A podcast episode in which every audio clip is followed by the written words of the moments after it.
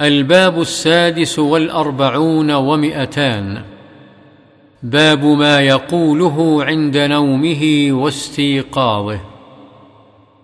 عن حذيفة وأبي ذر رضي الله عنهما قال كان رسول الله صلى الله عليه وسلم إذا أوى إلى فراشه قال باسمك اللهم أحيا وأموت.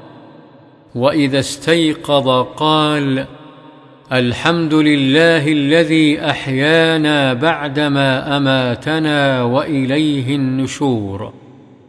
رواه البخاري.